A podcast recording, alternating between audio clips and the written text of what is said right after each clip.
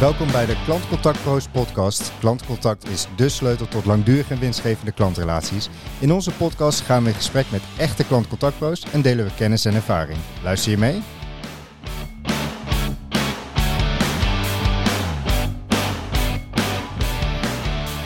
Vandaag gaan we weer in gesprek met een collega uit de branche. Ik word uiteraard vergezeld door mijn collega Wietse. Yes. En vandaag gaan we in gesprek met Edwin van Houten, directeur consumenten van de ACM, Autoriteit Consument en Markt. Een eer om jou hier aan tafel te hebben. Welkom. Hartstikke leuk om er te zijn. Edwin, van harte welkom. En eh, dit gaat wederom een bijzondere podcast worden. Uh, we houden ervan om uh, gasten aan tafel te hebben met uitgesproken mening en die iets nieuws ter tafel brengen. En ik weet zeker dat jij dat gaat doen. want de luisteraars zijn van ons gewend dat ze op inhoud best wel wat mensen horen die ze wellicht herkennen het vak, maar ik denk jou nog niet. Dus voor de luisteraars die jou nog niet kennen, kun je kort vertellen wie je bent, waar je werkt en uh, hoe je daar terecht bent gekomen. Ja, zeker. Na deze inleiding is de druk al gelijk hoog voor de, deze podcast. Ja, ja, ja. ja, ja. Uh, maar, maar, maar, laat ik beginnen met wie ik ben inderdaad. Ja. Edwin, van Edwin van Houten. Ik ben directeur van de directie Consumenten bij de Autoriteit Consument en Markt. En wat we als Autoriteit Consument en Markt doen, we zijn als overheids, een overheidstoezichthouder. En wij, uh, wij zorgen ervoor dat markten goed werken voor alle consumenten en bedrijven. Nu en in de toekomst. Dat is een grote opgave, voor niet? Dat is een hele mooie opgave vooral. Als je het hebt over de publieke zaak willen dienen ja. en ervoor zorgen dat Nederland, de BV Nederland, goed werkt voor iedereen. Ja, dan zit je bij een organisatie als de ACM echt op de, op de juiste plek. Mooi. Ja, dat snap ik. Ja. En wat is je link naar klantcontact? Ja, wat wij doen, ik ben zelf verantwoordelijk voor de directie consumenten. Mm -hmm. En uh, daar hebben we eigenlijk twee takken van sport. Toezicht en handhaving, zal ik maar zeggen. Dus dan kijken we, ja, wie zijn eigenlijk de boefjes uh, tussen de bedrijven die zich niet netjes aan de regels voor consumentenbescherming houden. En dat kan van alles zijn, van uh, uh, foute prijzen, fouten van voorprijzen, aanbiedingen die, die gedaan worden, tot duurzaamheidsclaims die niet kloppen en niet onderbouwd zijn. dat is één deel van de directie. En het andere deel van de directie, dan komen we dichter bij, bij zoals jullie zeggen, klantcontact. Dat gaat om consumentenvoorlichting. Hij heeft een enorme preventieve rol dan zorgen we er voor zoveel mogelijk voor dat consumenten ook geïnformeerd zijn en op de hoogte zijn van hun rechten. Mm -hmm. Overigens ook bedrijven, vaak kleine bedrijven die ons weten te vinden, ZZP'ers en dergelijke ook. Um, en daar hebben wij dus ook zelf een contactcenter voor. Uh, dus in die zin zijn wij toezichthouder op bedrijven. Ook op de manier waarop ze hun klantenservice uh, uh, onderhouden en inregelen. Ja. En hebben we zelf ook ervaring met het hebben van een contactcenter. Lijkt me af en toe dubbel, of niet? Nou, dat is heel mooi, want je, je kunt je ook wel goed inleven in de dilemma's en de problemen die er zijn. Bijvoorbeeld als het gaat om de arbeidsmarkt. Ja, ja precies. Dus, dus uh, aan de buitenkant uh, iets beoordelen of veroordelen, uh, dat kun je nu onderbouwen met hoe, hoe je vanuit eigen ervaring dingen beleeft en dingen moet organiseren. Ja, dat blijft altijd een inner perspective en een outer perspective, zal ik maar zeggen. Ja. en uiteindelijk is voor ons toezicht ook gewoon de wet. Ja, basis. snap ik. Ja. ja, jullie maken geen wet, hè? maar daar gaan we, het, gaan we zo wat, wat dieper uh, op in. Yes. Uh, Voordat we er dieper op in, want ja? er is een verschil ook nog met de consuwijzer, toch? Dus ja, consuwijzer, ACM consuwijzer, uh, dus ja, consuwijzer maakt deel uit van de ACM en dat is zoals wij zeggen ons consumentenloket. Dus die zit ook bij mij in de directie en dan heb je het dus over dat callcenter. Ja, oké. Okay, okay. Dan heb je het over onze websites, ACM consuwijzer, die bomvol staat met mooie voorbeeldbrieven, ja. gratis voorbeeldbrieven. Mensen, kijk niet naar commerciële bedrijfjes die je 1 euro abonnementen, euro, ja. opzegdiensten aanbieden. Je kunt gewoon bij ons terecht voor een gratis ja. opzegbrief van je abonnement. Gratis. Is dit je uh, eerste job waarin je te maken hebt met klantcontact? Of? Nee, eigenlijk niet. Eigenlijk kwam dat er al heel gauw bij uh, in mijn loopbaan. Ik heb hiervoor, uh, ik begon in mijn loopbaan redelijk snel bij de Immigratie- en Naturalisatiedienst. Oh, dat is ook, iets anders. Jazeker, uh, maar wel ook voor de publieke zaak. Uh, dus dat is Ja? een belangrijke rode draad. En daar komt vanaf dag één komt daar al klantcontact bij kijken, zal ik maar zeggen. Contact Mhm. met uh, de samenleving, de burger, de asielzoeker of de vreemdeling die in Nederland wil komen voor huwelijk of relatiestudie. Ja. Dus daar heb je ook heel veel informatielijnen eigenlijk. En dus vanaf het begin af aan dat ik daar leiding ging geven, inmiddels al zo'n twintig jaar geleden, had ik ook een informatielijn binnen mijn eigen teams. Ja, waar je ook wat ervaring op doet. je, Zegt lacht, je lacht daarbij. nou is automatisch de vraag. Nou, nou ja, elk signaal van buiten is, dat geloof ik ook echt, is Ja. een klacht voor verbetering. Ja, Dus, eh, of is een, is een kans op verbetering, moet ik Ja. zeggen. Ehm, en dat heb ik daar wel echt aan, aan den lijve eh, geleerd. Dat was nog in een fase waarin zeg maar de professionalisering van klantcontact en burgercontact nog niet zo heel ver was, moet ik zeggen. maar is dat, dat is heel lang geleden? Of? Nou, dat is twintig jaar geleden. Ja, oké. Eh, en bij, eh, toen de tijd bij de IND betekende dat dat eigenlijk elke discipline ook zijn eigen informatielijn had. Ah, Ehm, en dan krijg je heel direct de vragen en de zorgen en de klachten van burgers mee. Ook als leidinggevende van zo'n wat kleiner team bijvoorbeeld. ja. Ehm, ja, en dat is die feedback loop. Die is, nou, was voor mij super belangrijk voor, eh, voor het werk en hoe we dat doen en hoe ik met mijn mensen aan de slag kon. Eh, daarna eh, zie je dat er eigenlijk veel meer centralisering heeft plaatsgevonden van die functionaliteiten in een heleboel organisaties. Die zitten allemaal in grote centra en klantcentra. Mhm. Wat voor de professionalisering van de dienstverlening heel erg goed is, denk ik. Maar wat als keerzijde ook wel heeft, dat ik me af en toe afvraag of de link met de business, of dat nou overheid of bedrijf is, of die nog wel sterk genoeg is. Dus- Dat, is wel, dat is wel, als- we hadden het net over de BV Nederland, maar dat is eh, niet alleen in Nederland, maar wereldwijd volgens mij aan de gang. Dat eh, we steeds verder bij klanten vandaan gaan. Ja, Of burgers in dit geval. ja, ja, ja, en het zal jullie niet verrassen dat ik daar eh, als, eh, als toezichthouder zeg maar, wel wat zorgen over heb. Dat snap ik. Interesting. Nou, daar gaan we het over hebben. Laten we dat doen. Voor, voor wie is de ACM? Pardon, de ACM is voor alle mensen en bedrijven, Ja. eh, omdat wij dus de markt beter willen laten werken. Eh, en het- we hebben dus echt het perspectief niet alleen op vandaag, ja. Ik zei al, eh, in onze missie staat ook nu en in de toekomst. Als je kijkt naar onze prioriteiten, dan hebben wij speciale aandacht voor de digitale economie. Hoe werkt die? En kan iedereen daar goed van mee profiteren? Is dat een eerlijke markt, een open markt? En houdt bedrijven zich ook aan, ja, aan de regels die consumenten moeten beschermen? En een tweede prioriteit is de energietransitie. Nou, die spreekt bijna voor zich. Hè? Als je ziet wat we allemaal als samenleving te doen hebben om ervoor te zorgen dat we überhaupt, überha- überhaupt betaalbare en voldoende energie ter beschikking hebben. Ja. Zo'n energiecrisis van de afgelopen jaren, dan weten we allemaal weer de- hoe belangrijk dat is, die energietransitie. En de derde, dat is verduurzaming. Dus eigenlijk verduurzaming van het hele eh, eh, marktsysteem. En dingen die wij daarin doen, eh, is bijvoorbeeld dat we kijken als ACM, dat zijn de collega's van de directie mededinging. Die kijken ook naar bedrijven die met elkaar bijvoorbeeld afspraken willen maken om duurzamer te werken.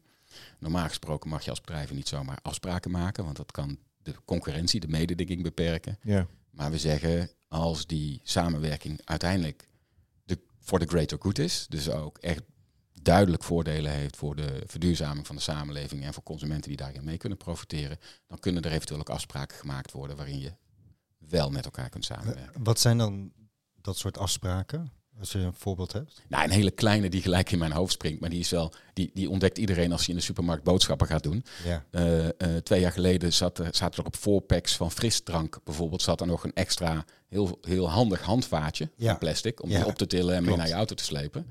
Nou, de, de eh, frisdrankproducenten die hebben allemaal samen afgesproken dat extra plasticje, wat een ontzettend vernuftig rotding was om te, eh, hoe heet dat, te recyclen, Ja. eh, dat doen we niet meer. Dat halen we er vanaf. En dat doen we allemaal tegelijk. Bijna allemaal tegelijk. Nou, dat is een heel klein praktisch Ah, voorbeeld. zo, oké. Ja. En dat is de mededingingkant hè, van verduurzaming.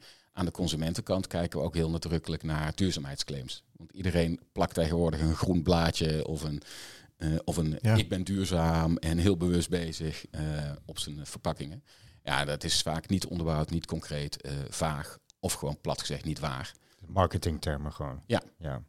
Ja, daar verbaas ik me keer op keer over. Wat ik in de supermarkt vind, eh, waar op eten, op, eh, ja, je, je- je noemt het maar, er worden die etiketjes opgeplakt. Maar dat mag dus niet zomaar. Nee, nee, absoluut niet. Nou is het nog belangrijk om te melden dat als het specifiek om voedingswaren gaat, dan ligt daar een belangrijke verantwoordelijk voor onze vriendelijk, verantwoordelijkheid voor onze collega's van de Nederlandse Voedsel- en Warenautoriteit. Ja, Maar alles daarbuiten eh, en alle claims die, op, die je op vrachtwagens ziet, of Ah, ja, pakketvervoerders, of eh, bij energieleveranciers, of kledingzaken, dan kom je op het gebied van de autoriteit consumentenmarkt. maar dat lijkt me, eh, wat ik, we zeiden het wel even in het voorgesprek, lijkt me echt onwijs uitdagend om dat allemaal eh, inzichtelijk te hebben en eh, daar ook actie op te ondernemen. Ik bedoel, Hoe groot zijn jullie dan? Het klinkt alsof je er ook heel veel zin in hebt om er eigenlijk te werken. Uitdagend is natuurlijk waanzinnig. Ja, Ja, nou, maar, hoe- maar, maar ja, want met, met hoeveel man of mankracht, vrouwkracht werken jullie? Ja, de autoriteit consumentenmarkt in totaal is ongeveer 650 FTE groot, dus Ja. zeg maar 700 mensen. En dan hebben we het dus over mededinging, over regulering van markten waar niet automatisch concurrentie is. Hè. Denk Mhm. aan energie, telecom, vervoer, post. Ja. Eh, en de directie consumenten, consumentenbescherming. En dat doen we met, inclusief het callcenter, met zo'n 140 mensen. Wow. En je zei al van jullie eh, maken geen eh, wetgeving. Ja, klopt. Ja, dat is aan de politiek, hè? aan de, aan de eh, Eerste en Tweede Kamer en eh, het kabinet. Dat is de heldere verdeling. Zij zijn van het beleid en eh, maken van de afspraken. En wij mogen daar vervolgens toezicht op houden en kijken of mensen zich ook, eh, bedrijven zich er ook aan houden. Maar zit geven jullie dan wel advies? Bijvoorbeeld? Ja, ja, we komen natuurlijk dingen tegen die niet werken. Ja.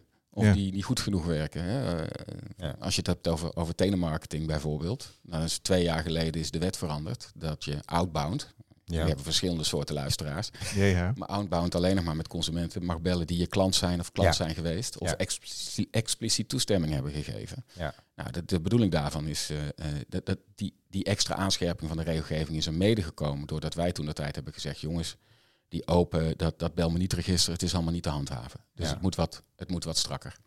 Eh, nou, dat is denk ik een voorbeeld. En we zien nu opnieuw, dat, daar wint ik ook geen doekjes om, dat ook dat onvoldoende is om de uitwassen van telemarketing echt, eh, eh, echt de kop in te drukken. En dat zie je eerlijk gezegd met name in de energiebranche. Ja. Hm. Dus daar maken wij nu ook duidelijk, en daar brengen we nu ook duidelijk de boodschap, dat eigenlijk die telemarketingrol daar gewoon, ook wat ons betreft, afgeschaft zou moeten worden. Ja, dat betekent je mag niet meer bellen. Ja, je mag niet meer bellen. Ja, ja daar gaan we dus niet over als toezichthouder. Nee, maar het is een advies. Want ik kan me Maar het is een voorstellen heel dat, duidelijk dat je, publiekelijk je, advies. je ja. hebt continu een spanningsveld eh, van eh, ja, je wil regels bedenken. Dus ik zeg, je hebt spelregels en eh, dan moet je ze uitvoeren. Nou, en in de uitvoering blijkt altijd of een spelregel eh, ook daadwerkelijk het doel dient. Of dat het de regel er is voor de regel. Nou, dan gaat het meestal niet goed. Nee, Maar als je niet meer mag bellen, wat, eh, hoe, hoe ga je dan contact hebben?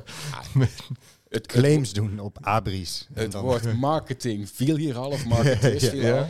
Als je een sector hebt waar mensen altijd super creatief zijn om daarvoor mooie alternatief te bedenken, is Ja. het wel de marketing. Dus ik maak me daar niet zo zorgen om. Ja. Ik maak me, eh, en dat hoort ook bij mijn verantwoordelijkheid, ik maak me eerder zorgen om de manier waarop marketeers dus langs kanalen die niet gunstig zijn voor de burger, voor die consument, Hm. dat daar misbruik van gemaakt wordt. Wat voor En, kanalen heb je dan Eh, ook? nou, dan heb je bijvoorbeeld over telemarketing. We Ja. kennen eh, allemaal de voorbeelden, ook uit, eh, uit verschillende media en uit wellicht boetes die wij in het verleden hebben opgelegd aan, aan leveranciers. Ja. Dat daar consumenten telefonisch gewoon echt een contract ingepraat worden op basis van onjuiste eh, voorspiegelingen eh, van bijvoorbeeld kosten die erin zitten, zonder dat duidelijk wordt gemaakt dat ze eh, en bellen om jou een contract te verkopen. En waarin echt ook agressieve handelspraktijken plaatsvinden, waarin mensen waarin echt gepusht wordt en geduwd wordt. En ook kwetsbare consumenten, bijvoorbeeld vanuit een bepaalde leeftijd, waar je eigenlijk kunt horen en kunt zien dat ze het ook niet helemaal begrijpen. Ja. Eh, wordt toch een consument aange- eh, een contract aangepraat. Ja, dat mag gewoon niet. Dat is Nee. misleiding en dat is een agressieve handelspraktijk. En dat treden wij tegenop. Ik zou Ja, bijna en- met mijn hand op tafel slaan, maar dan hoor je dat heel raar op de podcast. Ja, ja, ja. Nee, Doe het maar- toch even. Zo. Maar dus, dit is helemaal terecht. Alleen, en dat is houding en gedrag wat, eh, wat je volgens mij niet kunt accepteren. En als je er wat tegen kan doen, moet je het direct doen. Het is alleen jammer dat het dan via het kanaal telefonie gaat. En dat om die reden, dus eh, de bedrijven die, eh, nou, ik denk dat wel netjes willen doen, eh, dat die dat kanaal dus ook niet meer kunnen gebruiken. En ik denk dat het een kleine groep is die op deze manier daar misbruik van maakt. Je, je, je kijkt me nu heel vragend aan. Ehm, ik, ik, ik doe daar geen ge- generieke uitspraken over. Nee. Dat zou ik ook niet kunnen, want ik realiseer me dat ik dan ook echt goedwillende en, en goed werkende bedrijven tekort zou doen. Ja, Snap ik. Ehm, En, en ook het gesprek van vandaag versmalt tot die activiteit. Dat hoeft volgens mij ook ja niet. precies. Eh, en let's face it, hè, ik zeg al, wij gaan niet over de wet en regelgeving. Wij doen hier een oproep in. De Tweede Kamer heeft deze zomer ook een motie. Vorige zomer is dat dan geweest. eh, een motie aan minister Jette eh, ingediend eigenlijk. Met de vraag, goh, stop de mogelijkheid van telemarketing en colportage, deur-aan-deur verkoop, specifiek voor energieleveranciers Ja. vanwege de problemen die er zijn. Nou, minister Jette heeft toen ook gezegd dat mag ik niet zomaar. Dat heeft ook te maken met de Europese regels en de open markt en ook de vrijheid van onderneming. Ehm, eh, maar ehm, minister Adriaanse van Economische Zaken en Klimaat, die neemt dat mee naar Europa. Nou, dat heeft de minister ook gedaan. Die heeft in november ook een brief naar Europa gestuurd, naar de Europese Commissie, met eh, eh, inzicht in de problemen en eigenlijk de vraag, goh, kunnen we in gesprek over het maken van een uitzondering eh, op de standaardregels, specifiek ook voor telemarketing in de energiesector. Oké. Het, het is, ik kan me voorstellen dat het ook wel. Kijk, voor ons voelt het natuurlijk een beetje aan, want wij werken ook in, eh, in de telecom.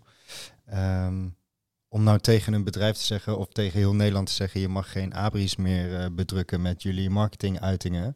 Maar eigenlijk is dit ook een soort regel van ja, alle telecom uh, facilitair callcenters, jullie mogen niet meer uitbellen.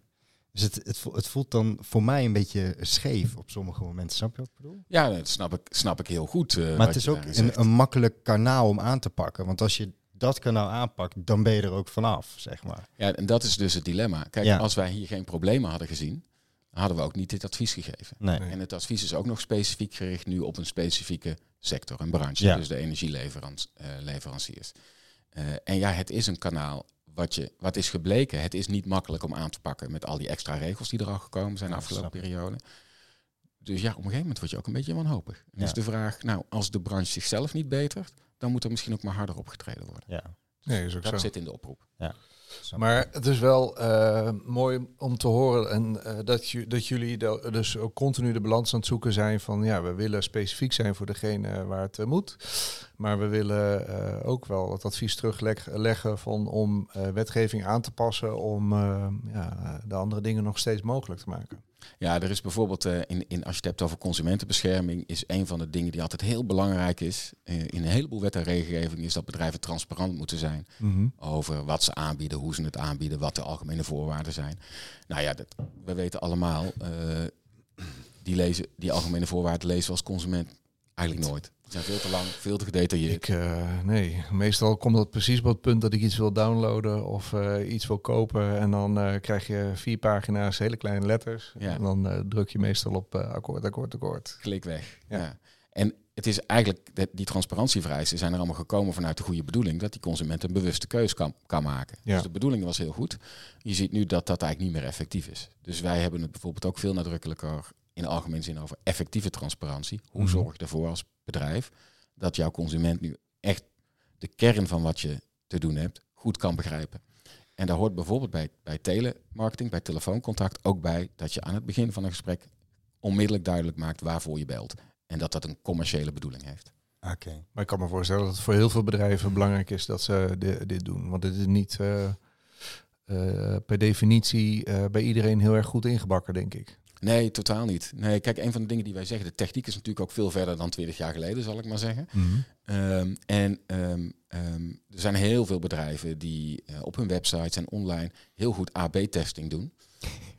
Wat verkoopt het beste? Is dat de kleur rood of is dat de kleur blauw? Is Ja. dat eh, een, een extra spatie of eh, een uitroepteken ergens? En er wordt ontzettend veel gedaan, dat is heel effectief. Met name voor de conversie en de omzet. Ja. Maar diezelfde technologie, die kan, kan een bedrijf ook inzetten om te toetsen welke manier van communiceren Ja. beter begrepen wordt door de consument. Maar gebeurt dat? Eh, dat gebeurt nog veel te weinig, nauwelijks zelfs, want die focus ligt gewoon echt op conversie. Maar dit is dus een agenda die wij ook nadrukkelijk hebben, die wij ook aangeven richting bedrijven en ook richting de we- wetgever. Maar ga je daar dan ook in helpen? Want ik kan, ik kan me voorstellen dat dit een gebied is eh, waar wat nog een beetje onontgonnen is. Want helpen, ja, je zeggen, dit is zo oud als de weg naar Rome, communicatie, een word je begrepen. Maar eh, echt eh, de focus op eh, word ik, word ik op de goede manier begrepen en communiceer ik de juiste dingen, dat is volgens mij als organisatie wel lastig. Want Ja. je wil verkopen. Wil iedereen. Ik kan iedereen met veel plezier en ook jullie luisteraars dus wijzen op de leidraad bescherming van de online consument. Die Ja. via de website van de ACM en ACM Conswijzer te vinden is. Daar staat een heleboel in over wat bijvoorbeeld online wel en niet is toegestaan. Wanneer je de grens tussen verleiden, wat mag, Ja. Overgaat naar misleider, wat niet mag. En daar Ik zit zal dus hem in de footnote zetten. ja, fantastisch. Daar zit ook heel veel eh, informatie in over, over dark patterns bijvoorbeeld. Ja. De ongewenste en niet toegestane beïnvloedingstechnieken. Ja, die neuromarketing is ook een wereldje zich. Maar hoe bepaal je dan, want dat lijkt me dus heel erg lastig, hoe, in hoeverre bepaal je wat echt de verantwoordelijkheid is van de consument en van de organisatie? Want ik hoor nu al mensen die nu aan het luisteren zijn, die zeggen van ja, die algemene, voorwaarden, ja, die algemene voorwaarden, die, dat vertelt alles, toch? Dus wat moeten we nog meer doen? Maar is het dan dat jullie ook kijken van oké, maar hoeveel effort moet iemand dan uiteindelijk doen om gewoon goed ingelicht te zijn? Ja, de, de basis van de consumentenwetgeving gaat eigenlijk uit van de redelijk denkende en geïnformeerde consument. Ja. Dat is een soort uh, benchmark, okay. zou ik maar zeggen.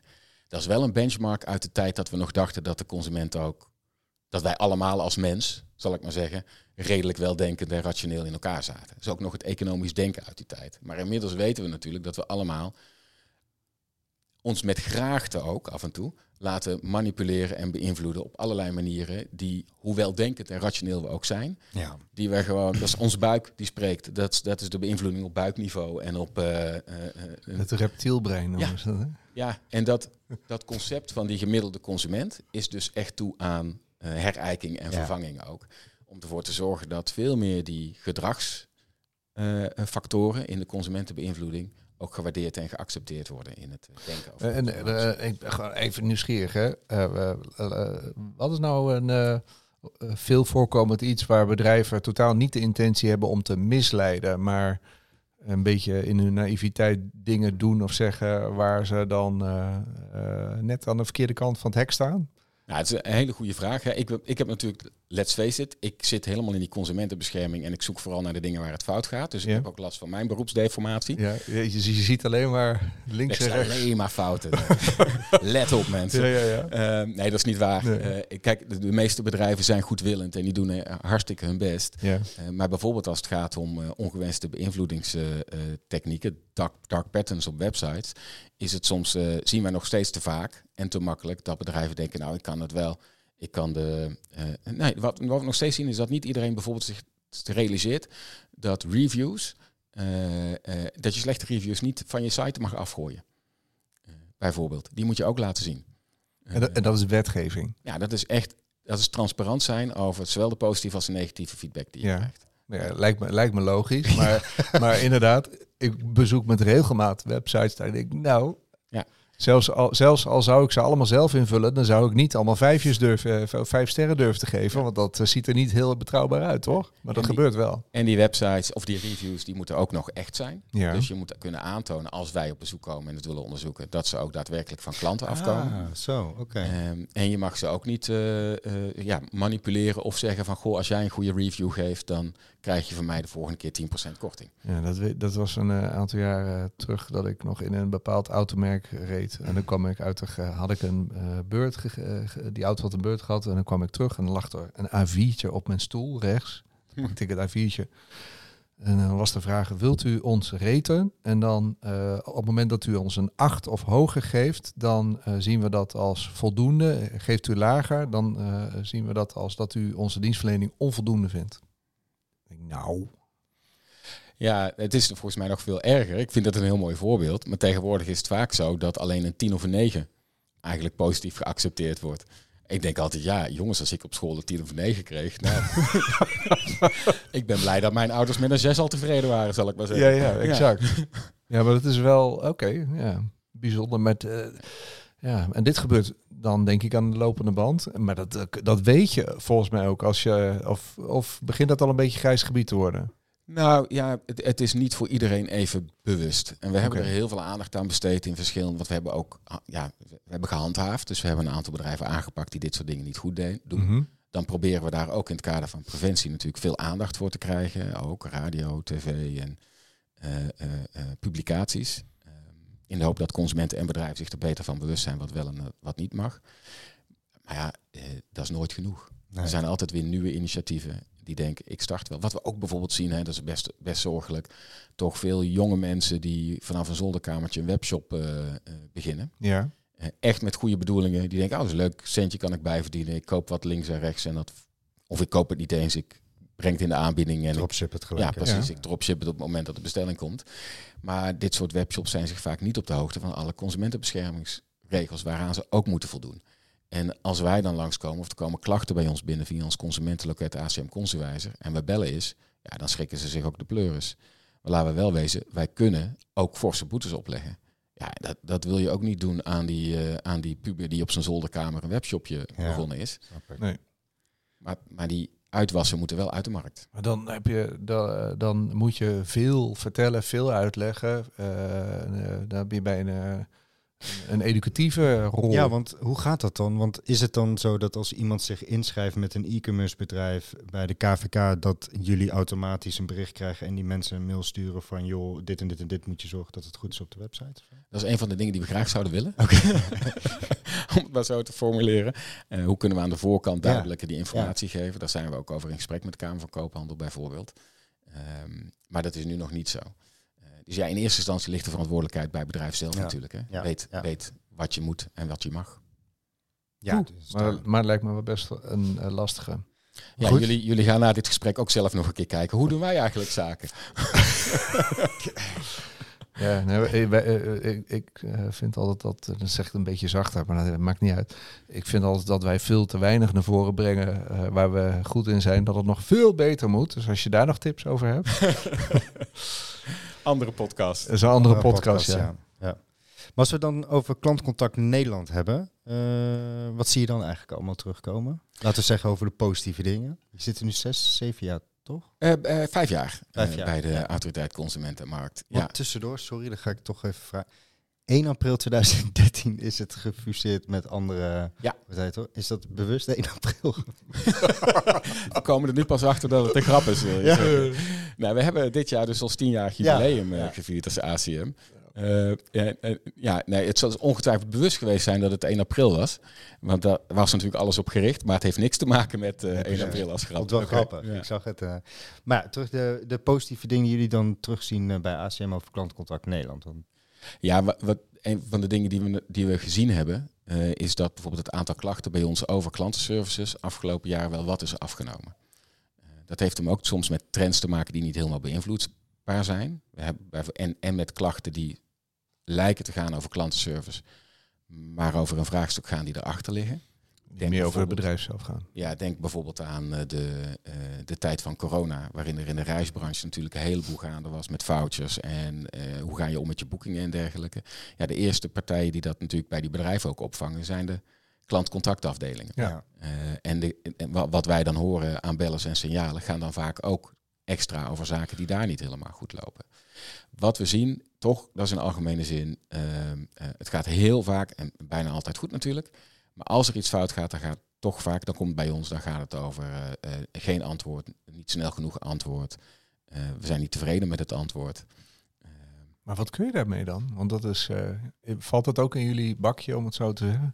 Ja, de, de, de wet, het burgerlijke wetboek zegt dat je over een klantenservice moet beschikken, zal ik maar zeggen. Want de klant moet contact kunnen opnemen met. Ja. En dat zien we dan vaak terug naar voren van de klantenservice. En dan moet ook nog eh, eh, redelijk snel contact opgenomen worden. En het bedrijf moet zijn, uit, of zijn- moet zijn best doen om tot een goede oplossing te komen. Nou, dat zijn best wel open normen. Ja. dus, en wij houden daar toezicht op. Dus de vraag is, nou, wat vinden jullie? Ja. Vinden jullie eh, tien dagen reactietermijn redelijk eh, Poeh. op een vraag van een klant? Nee. Nee, zeker niet. Negen dagen. Nee, ook niet. Ja, maar je wilt eigenlijk dezelfde dag. Ja, wat eh, vervelende wat ik zelf vind, maar dat, dat is, ik weet niet hoe jullie dat ervaren. Als je Amerikaanse software eh, gebruikt, die hebben daar echt een enorm handje van. Dan kun je alleen maar eh, via een chat, die vaak niet eens live is, kun je berichtjes sturen. En dan precies op het moment dat je ze echt nodig hebt, zijn ze er dus niet. Dus dan eh, word je maximaal eh, getraind in eh, geduld bewaren. Nou, daar ben ik niet zo goed in. Dus dat is super irritant. Ja, ja, die herken ik enorm. En onze bellers ook. Ja? Dus Ook in Nederland. ja, ook in Nederland. De opkomst van chatbots. Ja. Wat ik heel goed begrijp, hè, want dit is op, zoeken naar, op zoek gaan naar innovatie. Mhm. Juichen we van harte toe. En hoe kun je klanten beter, sneller, makkelijker toegang geven tot, tot je bedrijf? Daar kunnen natuurlijk technologische innovaties een prima rol in spelen. Ja. Maar niet voor iedereen, zien we Ja. wel. En als je basis niet op orde is, dan heeft het ook niet zo heel veel toegevoegde waarde. Nee. Maar dan, maar dan, dan, eh, dan gaat het dus tegen je werken. En dan bewust of onbewust. Nou ja, uiteindelijk leidt dat tot minder loyale klanten. Volgens, Ja. mij, volgens mij is dat gewoon. maar ook werk voor jullie dus. Ook werk voor ons. Ja. En is het dan voldoende om eh, een keer een signaal af te geven van jongens, we krijgen wel erg veel klachten, doe er wat mee? Ja, voor het beeld, wij krijgen ongeveer 80.000 signalen op jaarbasis. Ja. En dat gaat niet alleen over klantenservices, Nee? gelukkig. Eh, het gaat over hele andere onderwerpen ook. Eh, en op basis van die signalen kijken wij, goh, waar zien we de grootste problemen? Want wij zijn er eigenlijk om collectieve consumentenproblemen aan te pakken. En niet om individuele consumenten met hun eigen problemen op te lossen, eh, te helpen. Dus je moet veel ennetjes hebben, zoals de... Ja, dat, dat helpt zeker. Hè? Of we moeten echt een, een, een groot. Eh, zoeken ook actief zelf naar problemen waarover consumenten niet automatisch melden. Mhm. We hebben het al over die online wereld gehad. Ja. Ja, consumenten hebben niet automatisch door dat ze daar gemanipuleerd worden op een manier die niet is toegestaan. Oké, ja. Eh, en daar zoeken we dus ook actief zelf naar. Maar inderdaad, op basis van die meldingen, als wij een bepaald patroon zien en we zien bijvoorbeeld dat een webshop niet levert, eh, dat de kla- klachten in één keer toenemen in een bepaalde periode. Meestal het eerste wat we doen is de telefoon pakken en bellen en zeggen, goh, wat is er bij jou aan de hand? En realiseer je dat je even eh, een klus te doen hebt. Zeker mensen zeggen helemaal habbadibabbi als ze jullie eh, aan de lijn krijgen. Als, Ja. weten ze, als jullie bellen, weten ze over het algemeen wie ze aan de lijn hebben? Dat is de goede vraag. Dat is de goede vraag. Ja. Sommigen wel. Ja. Nou ja, best wel wat hoor. Ehm, ehm, maar zeker kleinere bedrijven, ja, die kennen ons eigenlijk ook niet. Eh, dus dan moeten we ook even uitleggen wie we zijn. Als we dat gedaan hebben, en eh, ze weten ook nog wat onze bevoegdheden zijn. En Ja. die zijn vrij verregaand. Als je het hebt over boetes en last onder dwangsom. Daar zit je echt niet op te wachten als bedrijf. Dan is de urgentie van ons belletje vaak toch wel snel duidelijk. Ja, En dat snap ik. Ik bedoel, als je ergens geparkeerd staat en er komt een boa, dan denk je van, nou oké, ik ga wel even snel eh, Ja. weg. Maar als een politieagent aankomt, dan denk je van, nou, oké. ik schrik al van een boa hoor. ja. Maar dat zal meer Ja, in mijn persoon zitten, dat denk ik. Oh, niet. Ik doe moeten we het hier over hebben. Amsterdam, Dus wij, eh, Ja, Amsterdam, ja. Mooi. Ehm, Want als we het Ja. dan, dan hebben, je zei, je gaf zo net aan van, joh, niet alles gaat natuurlijk over klantenservice, maar de vraag komt dan binnen. En wij zien ook wel vaak bij, in ieder geval bij onze klanten, als we dan analyse doen, ja, het is niet zo dat alle klantvragen die binnenkomen, die gaan over knelpunten in de organisatie. Dus dat moet je dan uiteindelijk verbeteren. Als we het dan hebben over die feedback loop die jullie eigenlijk krijgen van de consument, hoe vertaalt zich dat weer naar, naar, eigenlijk naar klantcontact of naar die organisaties toe? Want het is, lijkt mij, hele waardevolle informatie. Ja, het is eh, zeker hele waardevolle informatie. Waar wij op signaalbasis en patroonbasis ook af en toe zeg maar, in, in een optelsom over proberen te publiceren. Ehm, het is tegelijkertijd informatie die natuurlijk ook, ik had het al over onze beroepsdeformatie, die echt focust op de dingen die misgaan. Eh, waar er wellicht een klus is. En wij kunnen ook niet op basis van een signaal van een consument, zonder nader onderzoek, concluderen dat het ook echt mis is. Dat vraagt ook zorgvuldig communiceren. Dus zomaar alles de buitenwereld ingooien, eh, dat zullen we niet doen. Dat kan ook niet. Dat zou ook naar bedrijven toe eh, zeer, zeer onzorgvuldig zijn. Maar patronen, daarover willen we communiceren. En daarin hebben we ook nog best een paar stappen te zetten als ACM. Ja, want ik kan me voorstellen dat op individueel niveau dat dat niet echt. Maar ik had je natuurlijk ook gezien bij de KSF en er kwamen ook een aantal dingen voorbij, bijvoorbeeld over ook wachttijden, waar dan over. Dat zijn, zijn toch wel dingen dat als je dat eh, deelt eh, en dan gewoon met de vraag van, joh, hoe gaat het eigenlijk binnen jullie organisatie, in de hoop dat mensen daar eens over na gaan denken.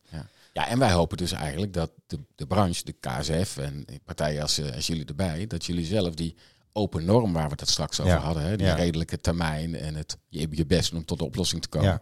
Als jullie die met elkaar scherper invullen, van wat betekent dat nou eigenlijk? Hè? Wat vinden we nou professioneel? Dan kun je daarmee ook een onderscheid maken tussen de goedwillende bedrijven die zich daaraan houden en degene die dat niet doen. En dat maakt het ook makkelijker. is beter voor het imago van de Ja. sector. En dat maakt het makkelijker voor ons om ook bepaalde bedrijven die eh, zo. het niet zo best doen. Klopt. En ook een negatieve impact hebben op de sector, om die aan te pakken.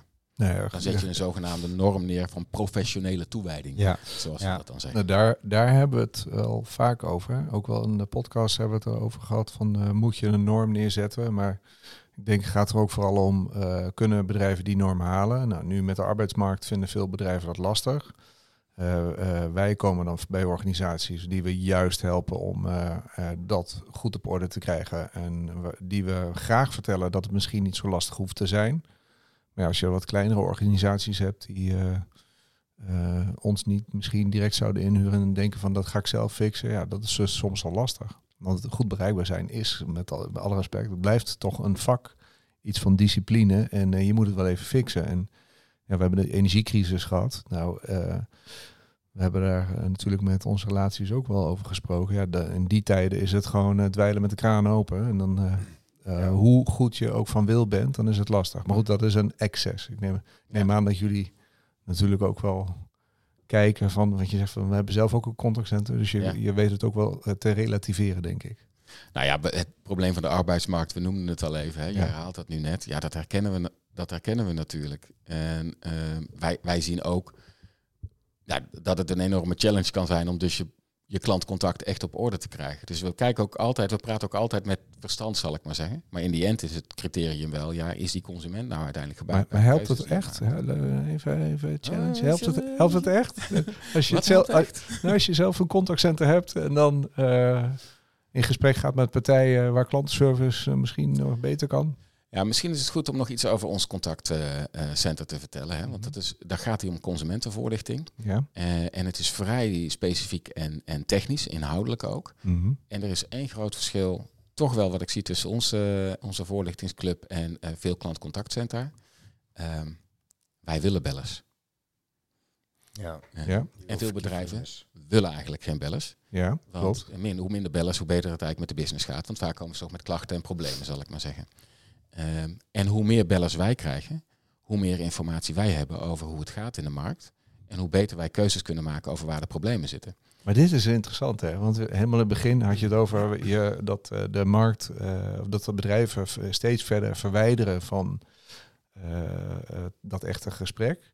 Jullie zeggen eigenlijk van, nou, wij willen juist meer gesprekken, wij willen Ja. veel beter gevoel houden. Wij vinden, maar ja, een beetje tegen de trend in, wij vinden ook dat bedrijven gewoon veel beter gevoel moeten hebben met hun klanten. En dat alleen- is volgens mij ook de reden waarom ik het zeg. Ja. Want ik zie dit nu echt als een groot onderscheid. Mhm. Als je als bedrijf daar iets anders in zou kunnen gaan opereren. En dus ook klantcontactcentra een andere plek geeft. Hè, klantenservice een andere plek geeft in de ideologie van je bedrijf. Mhm. Veel meer als ja, je, je schakelt tussen de binnen- en de buitenwereld. Waarmee je voortdurend die continue feedback loop ook organiseert. En niet alleen tot het klantcontactcentrum.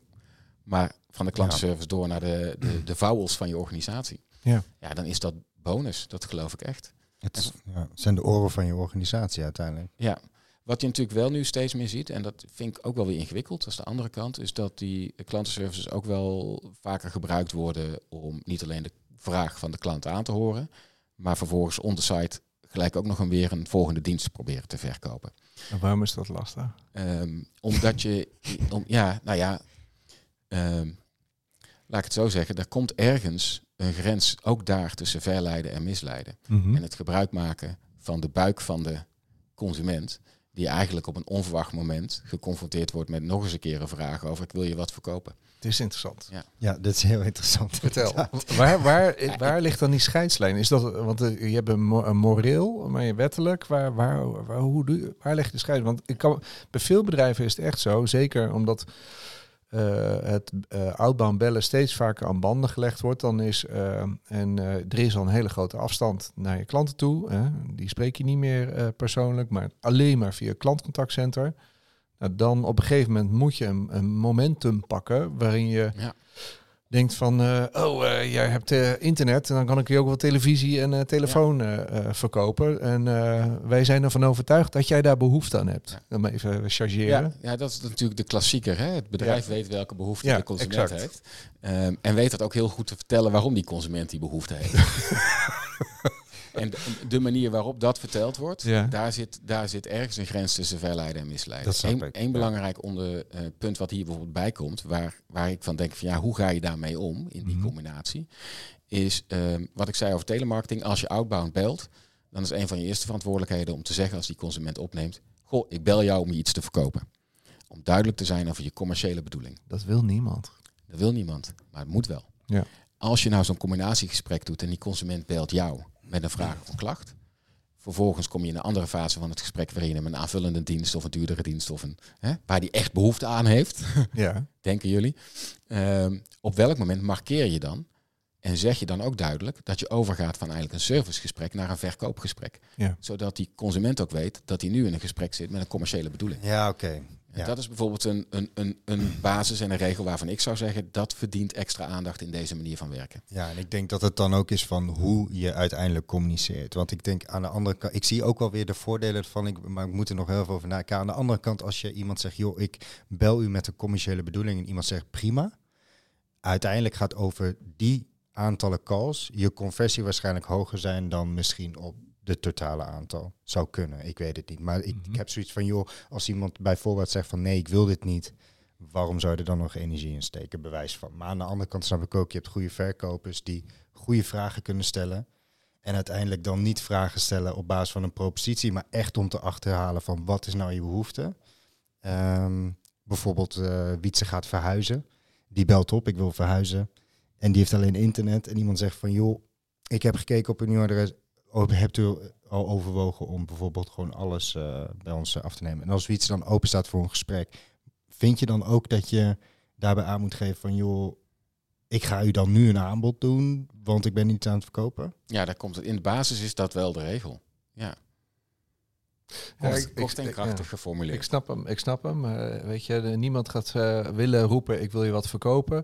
Maar aan de andere kant, als je ehm, echt eh, ziet dat je wellicht iets kan betekenen waar mogelijk een behoefte zit, zou je er wel kunnen, naar kunnen vragen. Maar Ja, goed, die grens is denk ik heel vaag van Ja, wanneer is dat het geval bij iemand. Want Super je hebt ook gewoon veel mensen aan de telefoon die niet op die manier... en mensen die een bonus krijgen voor eh, dat extraatje wat je dan verkoopt, Exact. die... eh, Ja. Hm, Ja, er zijn heel veel goede verkopers, zei je al. Ja. Maar er zijn natuurlijk ook verkopers die heel goed in staat zijn om vanuit het belang van hun eigen bonus en niet noodzakelijkwijs het belang van die consument Ja. te verkopen. Dus moet je als bedrijf Geen voorkomen, bonus. voorkomen dat, je, dat mensen eh er hier op hun eigen manier invulling aan kunnen geven, moet je die regels aanscherpen. Of moet je in ieder geval helder en transparant maken wat de spelregels van een gesprek zijn. Ja. Oké. Ja, ik, eh, ik leg de uitdaging hier maar even neer. Bij jullie Dat en, is eh, een, en de luisteraars. Het is een challenge, maar eh, ja. Nou ja, kijk, als je bonussen gaat geven op bijvoorbeeld aantal verkopen, dan weet iedereen dat je dit soort eh, misleidende gesprekken gaat hebben. Dus dat je iets aan de hand werkt. dat ja, en we hebben natuurlijk die 14 dagen herroepingsperiode, dus daar is ook nog wel een soort Ja. van gap. Maar als je dat niet vertelt aan het einde van het gesprek, dan weten mensen dat niet. Ehm, dus daar is zeker wel wat in te winnen. En ik moet zeggen, ik geloof zelf niet echt in eh, bonussen voor, eh, voor verkoop. Ik denk dat het uiteindelijk eh, misleidend is en dat je daardoor misschien toch nog eventjes doorgaat als die oude mevrouw van 88 zegt Ja. van nou, De ik weet het perverse, niet. de perverse prikkel. Ja, Ja, dat is niet goed. Zullen we eens eh, overgaan naar een eh, stelling? Ja, ja. Eh, ja, laten we dat doen. Ja, ik zei nog, ik hoef ze van tevoren niet te weten, die stelling. Nee, dus nee. ik zit nu handen wringend te wachten tot wat er eh, komt. Ja. We hebben eh, stiekem een klein, heel klein beetje aangetikt, denk ik. Eh, maar de stelling is, er moet een wettelijke maximale reactietermijn of reactietijd worden ingesteld voor bedrijven om te reageren op klantvragen en klachten. ja. Je moet op stellingen altijd ja of nee antwoorden. Hè? Dat is de Klopt. challenge die er ligt. Dus ik zeg gewoon ja en vervolgens zeg ik... maar veel beter zou het zijn als de branche, eh, KSF... met alle belangrijke stakeholders die daarbij zitten... zelf eerst eens even dat gesprek voert over wat redelijk is. Want zelfregulering is vaak echt... kan veel effectiever zijn dan zomaar een wet opleggen. Eh, het voorbeeld van eh, Spanje, waarin er geloof ik nu binnen drie minuten gereageerd Ja. moet worden. Eh, ja, daar zie je ook dat na 2 minuten 59 de verbinding verbroken wordt vanwege een zogenaamde technische fout. Ja, dan heb je mooie cijfers, maar is natuurlijk helemaal niks opgelost. Dus dat werkt, eh, eh, ja. Dus je moet er ook de constructies in hand die je niet wil. Nee, je moet echt op zoek naar een inherente drive, omdat je ziet dat het uiteindelijk in het belang is van de klant en daarmee in het belang van het bedrijf, ook de loyaliteit die je wilt opbouwen, om dit, die snelle reactietermijn en die afdoende reactie ook gewoon zelf op orde te hebben. Maar wat is, wat, zou je, wat is dan jouw advies voor eh, zelfregulering? Want hier wordt heel veel over gesproken in de markt. Eh, lijkt mij heel erg moeilijk. Maar wat, wat, Ja. wat, hoe kijk jij dat aan? Wat, Nou, de- de- wat, wat is je advies? De vraag terug zou zijn, ja, ik weet dat jullie de stelling aan mij voorleggen, maar wat zou, wat, wat zou jullie eigen antwoord op deze vraag dan zijn? Want Ja, eigenlijk zeg je als je zegt, nou ja, Ja, ja nee, Oh, ik, zeggen, ik, ik, ik zou het wel. ehm, ik zou het wel, wel doen. Eh, inderdaad, wel vanuit Klantcontact Nederland zelf en niet vanuit jullie. aan- Omdat uiteindelijk wij de expert zijn en wij Mhm. zouden moeten weten hoe dit zit. Alleen ik zou daarin wel ehm, eh, een, een nuance. Bijvoorbeeld eh, eh, dat het per kanaal is en dat er ja, dat als je een calamiteit hebt, zoals opeens gaan de tarieven van de energiecontracten omhoog, dan kun je dat gewoon niet, dan is het gewoon niet realistisch. Maar ik vind wel dat klantcontact Nederland moet kijken van joh, wat is haalbaar voor telefonie? Ehm, wat is haalbaar voor e-mail? Moet e-mail überhaupt nog echt zo'n ding Mhm. zijn? Eh, vind ik ook nog wel eh, eentje die we kunnen onderzoeken. Eh, voor WhatsApp, et cetera. Omdat elk kanaal ook een andere urgentie, andere urgentie sorry, dan moet ik even zo. Een, elk kanaal heeft een andere urgentie bij de klant. Want als je gaat bellen, dan weet je 9 van de 10 keer iemand wil direct Geholpen worden. geholpen worden. Ja. Ehm, en als je de optie hebt om te bellen, je bent gewoon bereikbaar, maar je stuurt toch een mail of eh, een, via een ander via een contactformulier, dan denk ik, of dan doe ik even de aanname dat de urgentie minder is. Dus eh, ik Wat vind zeg wel, je daarmee? nou, ik vind wel dat er een maximale reactietijd moet worden ingesteld per kanaal. Maar wie gaat dat dan instellen? Nou, ik vind wel dat, wat Edwin net zegt, dat bijvoorbeeld KSF en gewoon klantcontactexperts daar wel een voorzet in kunnen doen. eh, wat daarin haalbaar is. Wietse. Tja, ik vind hem echt eh, heel erg moeilijk. Eh, ik ben het eens dat, eh, dat ik idealiter zou je een bepaalde norm willen hebben. Want ehm, alleen de, de, ja, hoe handhaaf je die norm? Dat vind ik echt lastig. Kijk, dat je zegt van je, moet een één of twee kanalen sowieso beschikbaar hebben. Dus je moet sowieso telefonisch bereikbaar zijn. Ja, dat, dat, dat moet echt. Eh, per mail verantwoordelijk, ja ook. Eh, hoeft niet per se alleen eh, via mail van, eh, bereikbaar te zijn, want dat is ook een lastig kanaal. Maar je moet wel bereikbaar zijn. Mhm. En hoe snel je dan eh eh surfest, eh, ja, daar moet ook wel bepaalde normen op liggen. Alleen dat handhaven lijkt me zo lastig. Daarom Dat ben is ik- stap 2. maar daarom ben ik wel. Ja, maar ik geloof niet in dat je als je regels eh, stelt of je legt een norm neer, dan vind ik ook dat je hem op de een of andere manier moet handhaven. Zeker. Daarom ben ik ook wel eh, onder de indruk van het werk wat jullie doen. Dat ik denk van dat, dat is volgens mij veel. De- en je moet best wel eh, eh, goed kunnen targeten. Je moet een gesprek hebben. Eh, maar aan de andere kant, als ik denk van ja, vanuit ons perspectief, eh, waar we advies, eh, implementaties en, en het interim deel, dan kun je eh, ook wel gewoon heel veel uitleggen en vertellen over dat het niet per se heel moeilijk hoeft te zijn. Eh, hoe je dat zou moeten doen. Maar dan, eh, dat is wel een educatieve Het, is, het is zeker een opgave. component. Ja. De, de, de andere kant, hè, wat je zegt, ik maak me dan wel zorgen over hoe je dat handhaaft. Ja. Ehm, eh, nu valt er op die termijnen niks te handhaven. Dus ja, en is er wel ook een probleem en een vraagstuk wat je adresseert. ja, dat Dus klopt. Als je met elkaar naar een norm toe gaat, en wat ik zeg, liever door middel van zelfregulering, zodat je als, als met elkaar een professionele norm neer, eh, neerzet, dan wordt het ook makkelijker voor die toezichthouder, de ACM, om op een gegeven moment te zeggen, ja, hier loopt het de spuigaten uit. Ja, dus misschien En dat moeten we met elkaar er meer over praten. En er zijn er een aantal autoriteiten in de markt. Grotere bedrijven, denk ik, dat het zijn. Ja. eh eh, Klantenservice-federatie, eh, CCMA. Die dan met elkaar eh, vooral eh, in de markt vertellen wat dan die norm zou kunnen of moeten zijn. En dat je op basis daarvan op een gegeven moment meer bewustzijn creëert van ja, dit is wel waar we naartoe willen. Ja, Dan is het geen wetgeving. Maar, het is, een- ja. maar het is wel een veel besproken norm dan. Je kan Ja. het ook gewoon uitrekenen, toch? Je kan gewoon kijken van wanneer wordt het Ja. eh, bij een klant echt vervelend, wanneer heeft het invloed op Ja, maar dat, verschilt echt per bedrijf en per branche. Ik bedoel, als ik, als, ik, eh, als ik bel met, eh, omdat ik bankzaken wil regelen, dan ben ik echt bereid om langer te wachten, omdat ik wil dat het geregeld wordt. En als ik bel omdat ik een product wil kopen, dan eh, heb ik niet zo heel veel geduld. Mee eens. Toch? Maar dan nog kunnen we het uitrekenen ook. Ik, eh, ik hoor jullie brein kraken Ja, en daar ja, ben ik ja. blij om. we, we, we gaan gewoon naar stelling 2. Want ik, ik kan ook Ja, de niet zo stelling is voor. Edwin trouwens. Ja, ik vond het wel lekker Ja. gaan zo hoor. Dan, eh, beste Edwin. ik heb een vraag voor je. Nee, stelling. Consumenten hebben onvoldoende kennis over hun rechten bij online aankopen en bedrijven moeten actiever zijn in het informeren hierover. Die is makkelijk zeggen. Ja, oh niet. Voor, voor, mij, voor mij wel. Dit is een absolute ja. Ja. Eh, en dat is geen verwijt aan, aan consumenten. Hè. Dat is een, eh, en ook niet aan bedrijven overigens. Het is gewoon ook echt, waar we het over hadden, heel complex om consumenten echt eh, ook te enthousiasmeren voor hun rechten. Want je wilt het ook helemaal niet altijd weten. Je wil gewoon iets kopen of iets, eh, eh, eh, of iets vragen. En eh, zonder dat je altijd wil weten, ja, wat zijn nou precies mijn rechten? Ja. Dat, dat vraagt soms een onderzoek. Een van de dingen waar dit me aan doet denken, hè, want daar valt echt nog wel wat te winnen. En daar proberen wij met voorlichting bijvoorbeeld ook echt invulling aan te geven. En ik weet dat, eh, dat bedrijven daar ook een rol in, in kunnen spelen. Eh, maar een van de grote uitdagingen die, die we met z'n allen hebben, in de hele samenleving, maar zeker ook eh, klantenservices, is hoe zorg je voor, ook met technologie en innovatie, hoe zorg je ervoor dat juist die consumenten in kwetsbare posities ook meegenomen worden. En dat je ook toegankelijk bent voor de mensen met een beperking, bijvoorbeeld.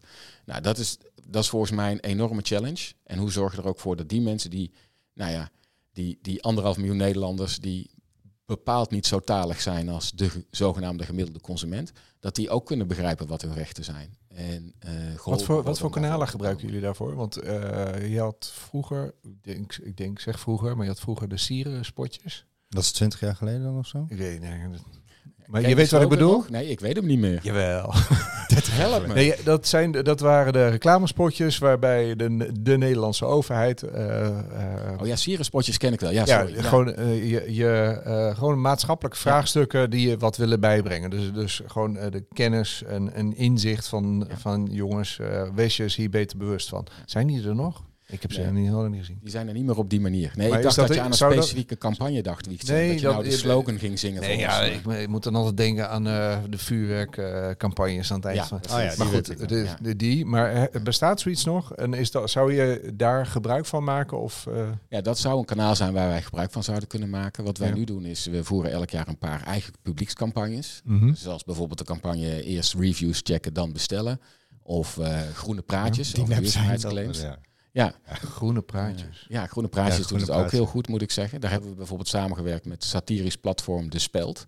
Oh ja. Eh, Ja, ja, om ook ja. weer een hele Ja. andere doelgroep eh, eh, te bereiken. En ja, dat gaat dan over duurzaamheidsclaims die wel of niet te Maar vertrouwen die schrijven echt dusdanig dat je in het begin helemaal niet in de gaten hebt dat, Ja.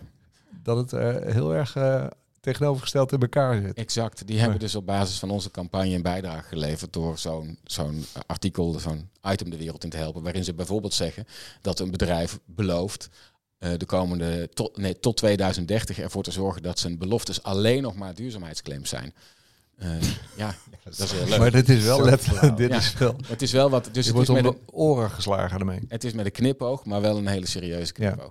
Eh, Ja. Maar wat we dus doen met die campagnes, is dat we meer mensen proberen te bereiken dan via onze normale kanalen. Mhm. Wat wij aanvullend hebben ingericht sinds twee jaar is een eh, loket voor hulpverleners. Want wij hebben dus een consumentenloket, daar kunnen consumenten terecht met vragen, alle consumenten.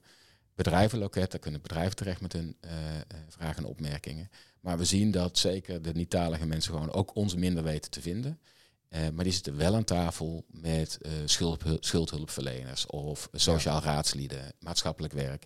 En speciaal voor die doelgroep hebben we een aparte lijn opengesteld voor hulpverleners, zodat zij als zij met een cliënt aan tafel zitten ook rechtstreeks ons kunnen bellen als er een consumentenissue speelt. Oké. Eh, nou ja, en op die manier proberen we ook die brug eh, zelfbewuster te slaan.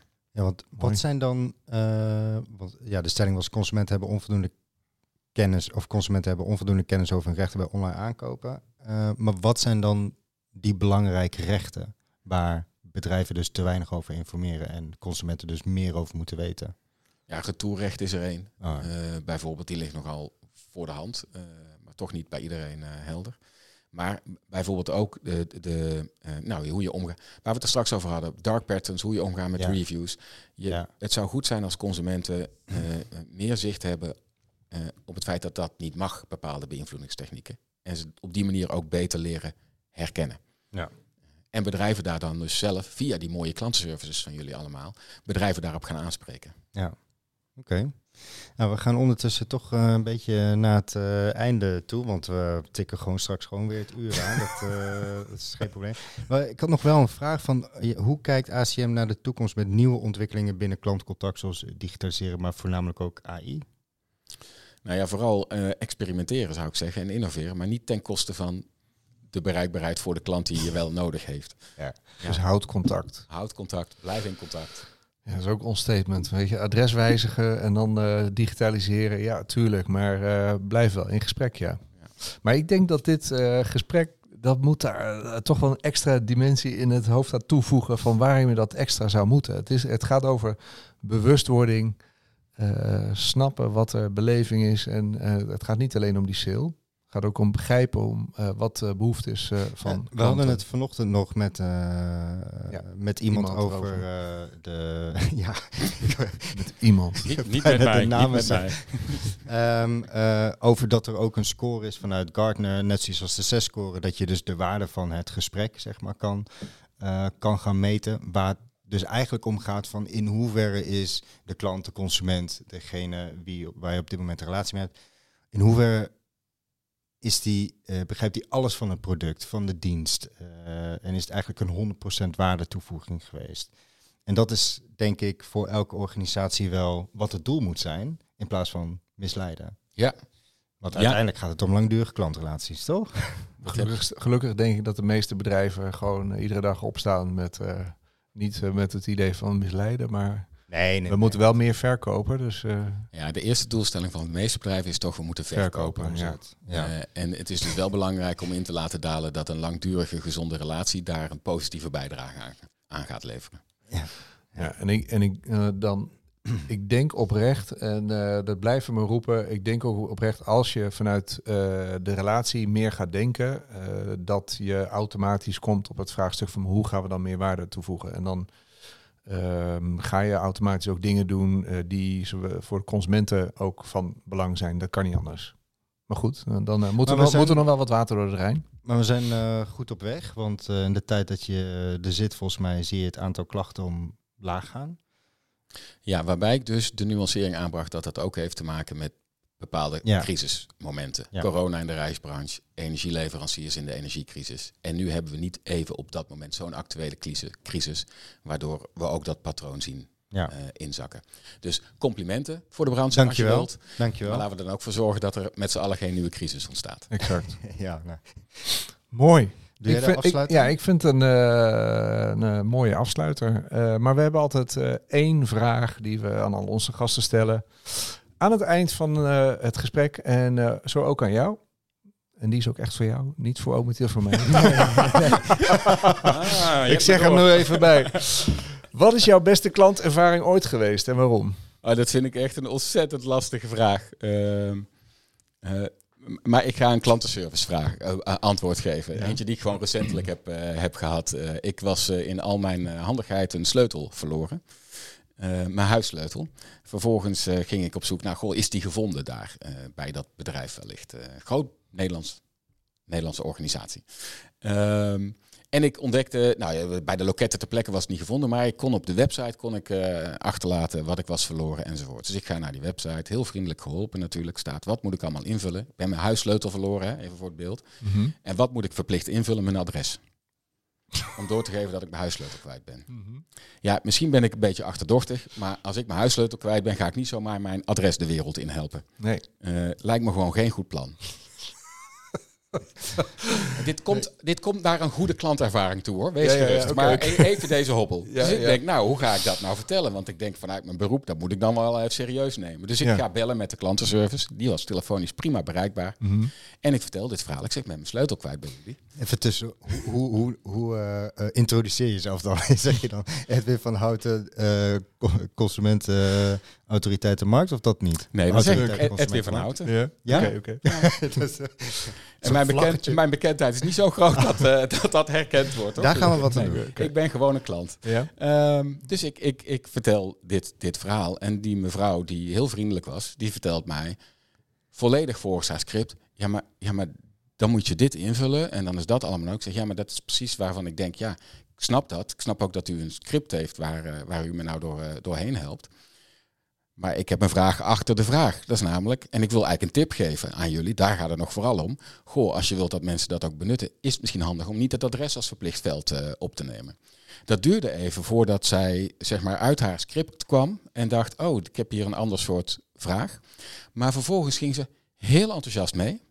Uh, uh, heeft ze me helemaal begrepen. Voelde ik me ook echt begrepen.